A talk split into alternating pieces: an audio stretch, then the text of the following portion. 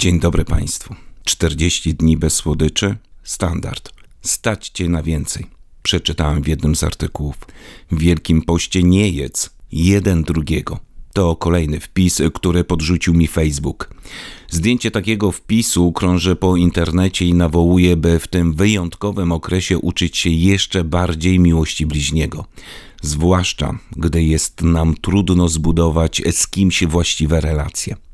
W ubiegłym tygodniu rozpoczęliśmy Wielki Post. Nie chodzi mi o to, aby rozważać ten czas pod względem duchowym, bo przeżywać to będziemy podczas rekolekcji.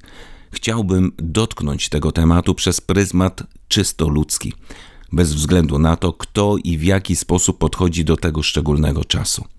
W ostatnich latach postanowienia wielkopostne uległy zmianom. Do tej pory ograniczaliśmy jedzenie słodyczy, picie alkoholu czy palenie papierosów.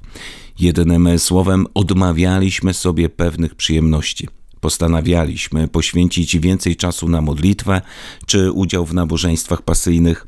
Dziś postanowienia dotyczą tego, co na co dzień zajmuje najwięcej czasu korzystanie z mediów społecznościowych, komputera, internetu, telefonu. Niejednokrotnie w felietonach poruszałem temat życzliwości, wrażliwości, uśmiechu na co dzień. Może niech właśnie one będą jednym z naszych postanowień. Wiele inicjatyw pojawia się w różnych sferach naszego życia, które mają służyć wszystkim, którzy nie chcą, by Wielki Post minął niepostrzeżenie. Trzy czynniki charakteryzują ten czas post, jałmużna, modlitwa.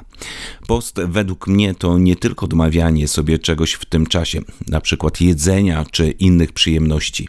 To także czas wstrzemięźliwości od plotek, narzekania, od wypowiadania się źle o drugiej osobie. To kontrola nad tym, co mówię, aby nie ranić drugiego człowieka. Post dotyczyć może także tego, co na co dzień zwykle zajmuje najwięcej czasu: korzystania z mediów społecznościowych, komputera, internetu, telefonu, pół dnia bez internetu, mediów społecznościowych. Można bowiem 40 dni przechodzić ze skręconym z głodu żołądkiem, ale jeśli będziemy przez to skwaszeni, zgryźliwi i opryskliwi dla najbliższych, to co nam po takim wyrzeczeniu? Postanowienia mają zmienić coś w naszym życiu, pomóc stać się choć odrobinę lepszymi ludźmi. Są dobrym sposobem na zwalczanie egoizmu, a przez to kształtowanie charakteru.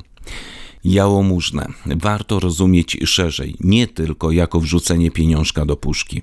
To również niematerialna troska o bliźniego, który jest obok mnie i potrzebuje mojej obecności i pomocy.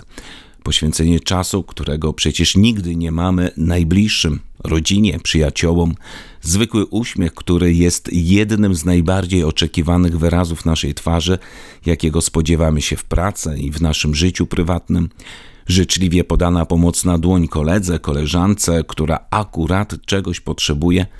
Uśmiech i życzliwość nic nas nie kosztuje, a jednak jest towarem deficytowym. Nie mam czasu na modlitwę. Później. Nie mam nastroju. Oto współczesna wymówka, by się nie modlić. A nawet jeśli zaśpię i nie mam czasu na pacierz, to chociaż przeżegnam się i westchnę, żeby Bóg zajął się moim dniem, moimi sprawami i mną samym. Post i jałmużna wzmocniona modlitwą nabierają głębszego znaczenia. To trzy filary, które jeden bez drugiego nie istnieją. Ksiądz Jan Twardowski napisał, że jeśli ktoś się modli, oddycha w nim Pan Bóg. Wszystko to są nam znane twierdzenia, które są często powtarzane. Może i dobrze, bo raz powiedziane nie dotrą z taką siłą. Wielki Post nie musi być obeliskiem, które mam taszczyć aż do świąt. Jest czasem, propozycją, jest dobrem i wcale nie muszę go przeżywać. Ja mogę go odkryć zupełnie na nowo.